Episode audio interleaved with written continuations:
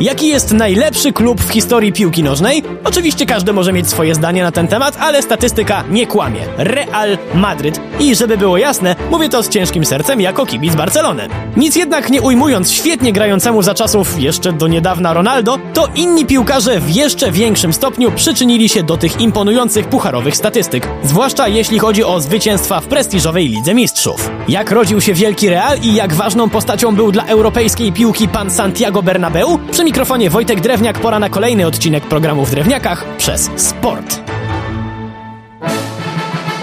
Chociaż w sumie to nie. Skoro i tak wiem, że w jednym odcinku z opowieścią o złotym okresie królewskich i tak się nie wyrobimy, to opowiedzmy sobie o tym, kto wymyślił trofeum, które Real zgarnął pierwsze pięć razy z rzędu.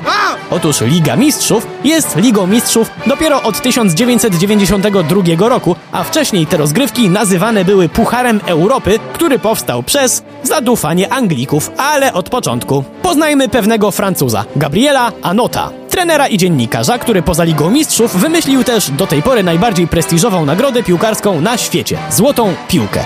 Anot był między innymi dziennikarzem sportowym i strasznie go rozbawiła propaganda uprawiana przez jego brytyjskich kolegów po fachu. Otóż kiedy Anglicy brutalnie przerżnęli z Węgrami i Urugwajem, to postanowiono zorganizować serię towarzyskich spotkań, które uspokoją tamtejszych kibiców. Nie była to wielka impreza. Drużyna Wolverhampton Wanderers bez większych problemów ograła ekipy z Moskwy i Budapesztu, po czym brytyjska prasa uznała, że teraz jest jasne i niepodważalne, iż Wolverhampton to najlepszy klub na świecie.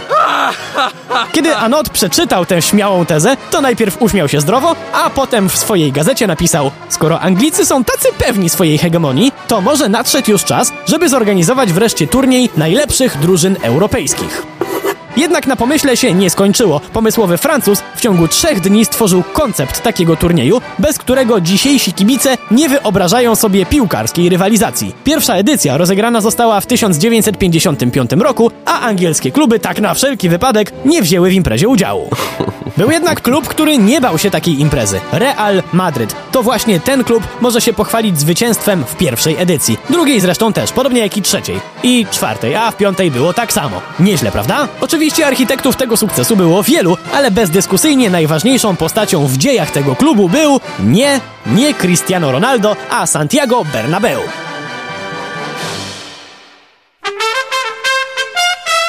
Jak na legendę klubu przystało, początkowo pan Santiago był piłkarzem, środkowym napastnikiem Realu.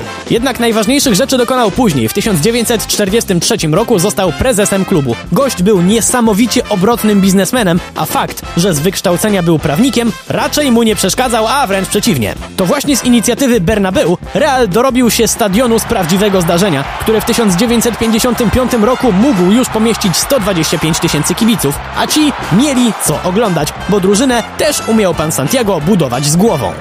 Pan prezes rozpoczął tworzenie mocnej ekipy od poszukiwań zawodnika światowej klasy, który stanowiłby trzon drużyny. Pierwszym wyborem był Ladislao Kubala, ale jak to się stało, że zamiast legendą Realu został on gwiazdą Barcelony? O tym opowiadałem już w jednym z naszych poprzednich spotkań. Tak czy inaczej, pan Santiago szukał dalej i w końcu znalazł, choć było to odkrycie dość bolesne. W marcu 1953 roku w Madrycie pojawiła się drużyna Millonarios Bogota, która miała rozegrać spotkanie z Realem. Nie wdając się w szczegóły i bezsensowne wymienianie składów, ekipa z Bogoty miała w swoich szeregach wielu świetnych piłkarzy, ale zwłaszcza jeden rzucał się w oczy. Uważany za najlepszego napastnika świata, Argentyńczyk Alfredo Di Stefano, który poprowadził swoją drużynę do brutalnego rozgromienia Realu 4 do 2.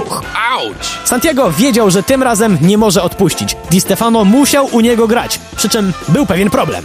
Bo teoretycznie Di Stefano zgodził się grać w Realu, ale prawa do niego rościł sobie jego poprzedni klub, River Plate. Santiago Bernabeu uznał to za jakiś absurd i przeprowadził transakcję z obecnym klubem Argentyńczyka, tym z Bogoty. Jednak w tym samym czasie River Plate sprzedało Di Stefano Barcelonie. Zrobił się niezły Saigon, co więcej FIFA uznała za legalną transakcję tą pomiędzy River Plate i Barceloną. Wszystko zatem wskazywało na to, że Argentyńczyk zasili drużynę z Katalonii, gdyby nie to, że wtedy to władze samej Barcy uznały, że one to jednak nie chcą Di Stefano, bo ich liderowi, Kubali, będzie smutno, że nie jest samodzielnym liderem.